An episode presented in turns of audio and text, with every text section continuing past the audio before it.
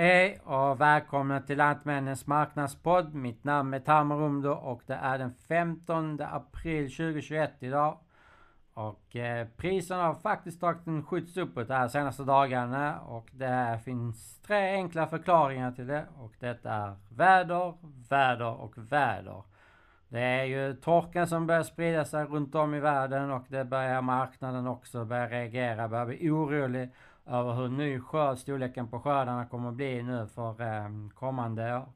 Och eh, tittar vi till, vi börjar lite snabbt, ändå fokus ligger på norra halv, men lite snabbt om södra delen av jordklotet. Australien, det har kommit lite information, det har varit mycket oväder där och det har slagit till lite, lite med lastningar. Det har skapat lite fysiska problem för leveranser ut. Eh, framförallt från Australien då. Och eh, det kom ju inte ut någonting därifrån. Det var ju väldigt stora oväder. Och detta har jag dragit med en viss eh, fysisk pris bort i Asien.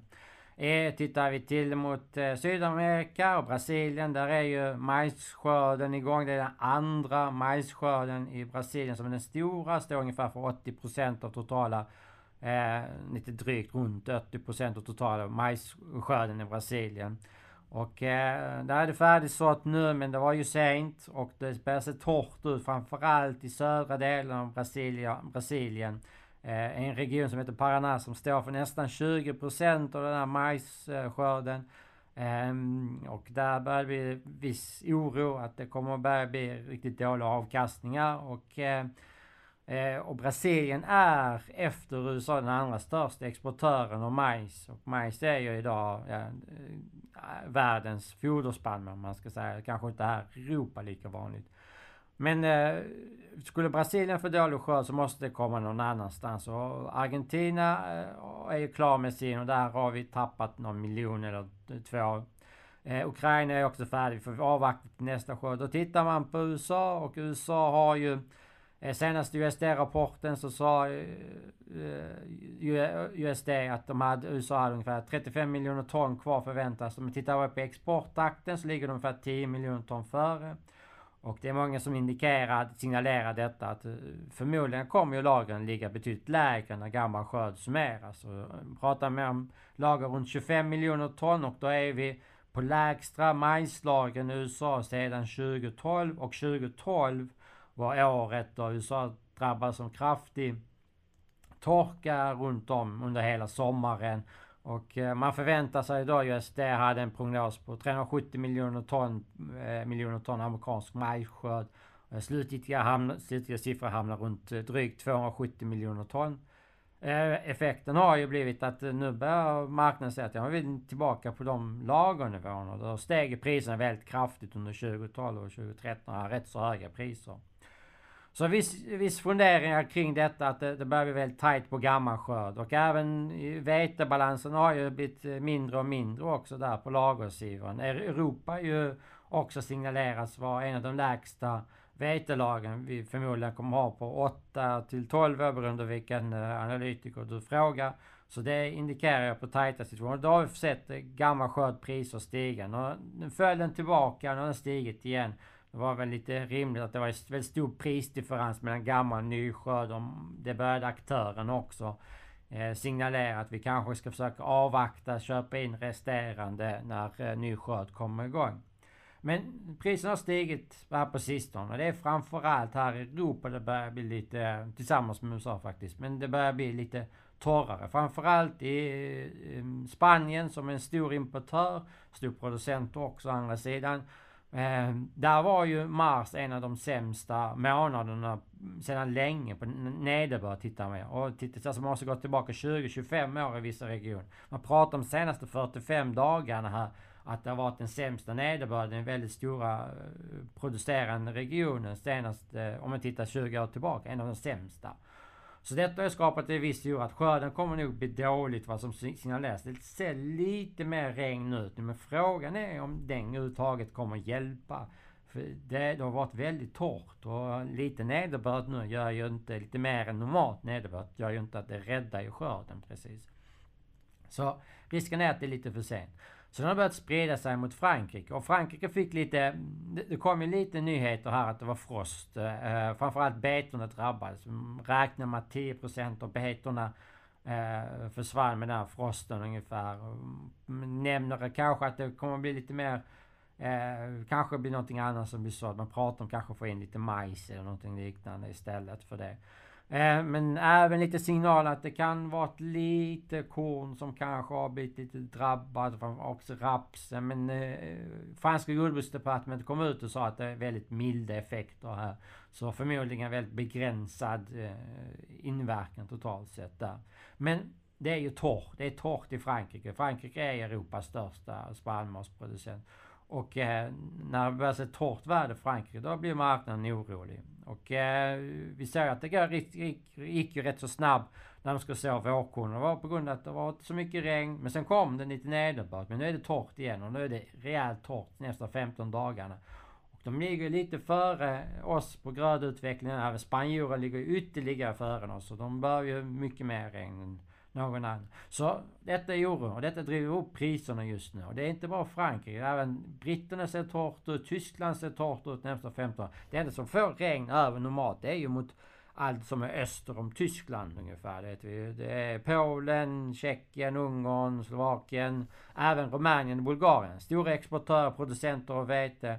Och de tycks kunna få bra med nederbörd. Även här i Norden ser det torrare ut. Eh, kan gynna sådden här att komma igång ordentligt. Även mot eh, balterna ser det torrt ut. Men gynnsam ut mot eh, östra delarna av Europa, framförallt mot Rumänien och Bulgarien. Även när vi går vidare mot Ukraina ser det också fördelaktigt ut. mycket nederbörd kommer och då, så det, det, det, det, kan bli rätt så bra skördar där. Framförallt Ukra alltså Rumänien och Bulgarien hör jag att det är väldigt fördelaktigt just nu i mm, tillstånden för grödorna.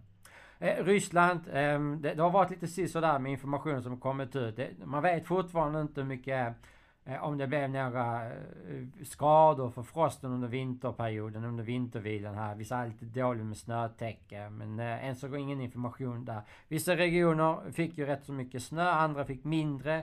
Så det är lite splittrad bild där. Men närmsta 15 dagarna ser det ut att komma gott om eh, nederbörd. Så framförallt för höstveteregionerna. Eh, och eh, det, det, kan ju gynna eh, grödan här närmsta 15 dagarna. Det som är utmaningen nu för ryssarna är att uh, få den till exporten. Även om de skulle få en bra skörd så är det väldigt många som just nu har lämnat ryska marknaden. Alla de stora aktörerna har lämnat en efter en. Vi hörde Dreyfus komma ut, Bunge, Kagel. Alltså dessa riktiga giganterna säger att vi vill inte handla längre rysk spannmål för att exportera. Och det är på grund av att det finns en osäkerhet vad ryska staten kommer med nästa gång istället. Eh, nu, nu, kräver de att man ska betala 70% i skatt för allt eh, på vete exempelvis för pris som är över 200 eh, dollar. Men detta har ju gjort att de börjar prissätta lägre mot eh, ryska lantbrukare som i sin tur börjar klaga på att de inte får rätt pris. Eh, för det finns en osäkerhet också. Jag har 70% idag men jag vet inte vad det kommer vara om eh, två, tre månader. Eller om de kanske säger exportstopp eller vad de än säger. Så detta har skapat en viss inverkan. Ja, då börjar lite rykten. Men det kanske börjar mjukna till nu och kommer ändra sig. Men varför skulle du vilja komma tillbaka nu? De kanske, blir, de kanske ändrar sig igen om sex månader. Det är den här osäkerheten som ryska regeringen har skapat just nu mot eh, exportmarknaden. Förmodligen kommer de få ut, men, eh, få ut stor del tror jag ändå på export. Men jag tror lantbrukarna kommer få betala det stora priset där från eh, rysk sida i alla fall. Men torrt väder, det är det som driver just nu marknaden och eh, går vi över till eh, den amerikanska sidan av kontinenten så ser vi att det är ju torrt många regioner i USA. Eh, extrem torka som råder i framförallt sydvästra delarna och det börjar sprida sig lite in mot dessa höstveteregionerna men framförallt har det spridit sig in mot vårveteregionen North Dakota som gränsar sig mot eh, kanadensiska gränsen. Och eh, North Dakota står ungefär för eh, 50% av vårveteproduktionen i USA. Och eh, där ser vi, och, och eh, vårvete är ungefär en tredjedel av totala veteskörden i USA. Så vi kan räkna med lite enkelt 17 procent ungefär av totala skörden eh, produceras i North av vete. Det har varit extremt torrt och detta har spridits vidare mot kanadensiska gränsen. Över på andra sidan ser vi att torkan sprider sig också. Så oron börjar sprida sig på där att eh, det börjar bli torrt också i Kanada. Men det, det, är ju långt kvar fortfarande. Nu är sådden igång, eh, framförallt av vårvete. Och i North Dakota så var ungefär eh, 8% sådd. Detta är snabbaste takten sedan 2012. Och 2012 vet vi, det var det året eh, USA drabbades av en extrem torka. Så detta är, de senaste 10 åren så är detta det snabbaste. Om vi utesluter den extrem torka som drabbade landet. Eh, tittar vi totalt sett så 11% av vårveten sådd i USA. Detta är betydligt snabbare än snittet på, som ligger på 6% och förra året vid den tidpunkten låg på 5%. Så det går snabbt där. Vi har hört också kommit igång på kanadensiska sidan. Majsen 4% sådd jämfört med 2. Jämfört med föregående år och 3% som ligger för femårssnittet. Så det har kommit igång där lite, lite snabbare också. Tillståndet för höstvete i USA eh, fick ett siffra på värde på 53% som bedöms som bra eller utmärkt. Detta är exakt samma siffra som ligger för femårssnittet. Eh, lägre än förra året, då hade vi en siffra på 62, så något lägre men totalt sett så ser det rätt så bra ut. Det kommer en del regn också mot eh, Kansas hållet som är den stora östveteregionen. Vad som är, är oron är de södra delarna av Kansas, Oklahoma och Texas som har varit väldigt torrt nu de senaste 30 eh, dagarna och inte, tycks inte få så mycket nederbörd. Så en del som kommer nog gå förlorat där också. Men totalt sett så tror jag att det blir rätt så okej okay med höstvete skörden vad som kommer ut från USA. Och det mesta har ju kommit in i axgång nu. Så det är ju inte så mycket Eh, det som, eh, ja, det som har skett, skadan, så har det skett. Så det kan ju inte återhämta sig nu. Och eh, vi får ju se att om det kommer fortsatt regn så tror jag att den kommer klara av dessa viktiga tillväxtfaserna i Kansasregionen. Ja, torkan kommer ju att driva på, framförallt USA. Man, man börjar bli väldigt orolig över vårvetepriset. Man ser att priset där på vårvete har stuckit iväg. Även Durumpriset har vi sett en viss uppgång på i Kanada-hållet. Så den driver ju på i förhållande till Europa.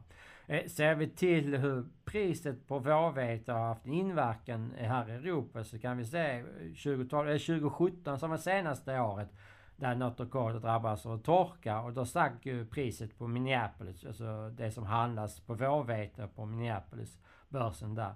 Och det fick ju, drog upp vårvetepriset, men det drog också vårvetepriset ut i Europa. Vi ser ju att det var en viss ökning av eh, högproteinpriser i förhållandevis. Så skulle vi få problem med vårvete i USA så tror jag att vi får också lite högre premier på eh, högproteinvete. Att det kommer att vara lite högre eh, premie man får betala för att köpa in högprotein i förhållande till vanlig kvarnvete eller brödvetepris. Men jag tror det kan driva på framförallt kvarnvetesidan. Och det ser torrt ut i Europa också, så, och med Frankrike.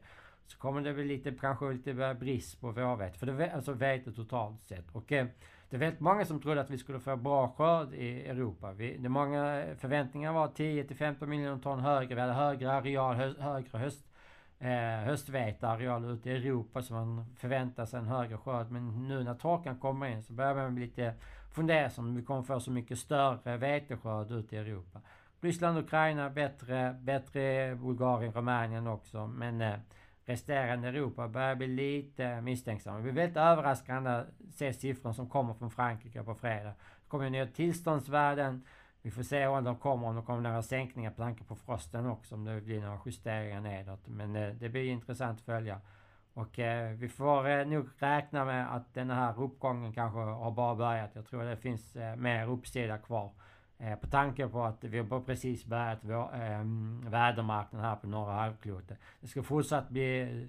Vi ska fortsätta se majsen bli sådd i USA, sojabönorna och se hur den utvecklas under juni, juli. Så det är lång väg kvar innan detta är klart. Ehm, det får avsluta för denna gången. Tack för att ni lyssnar. Ha en bra dag. Hej hej!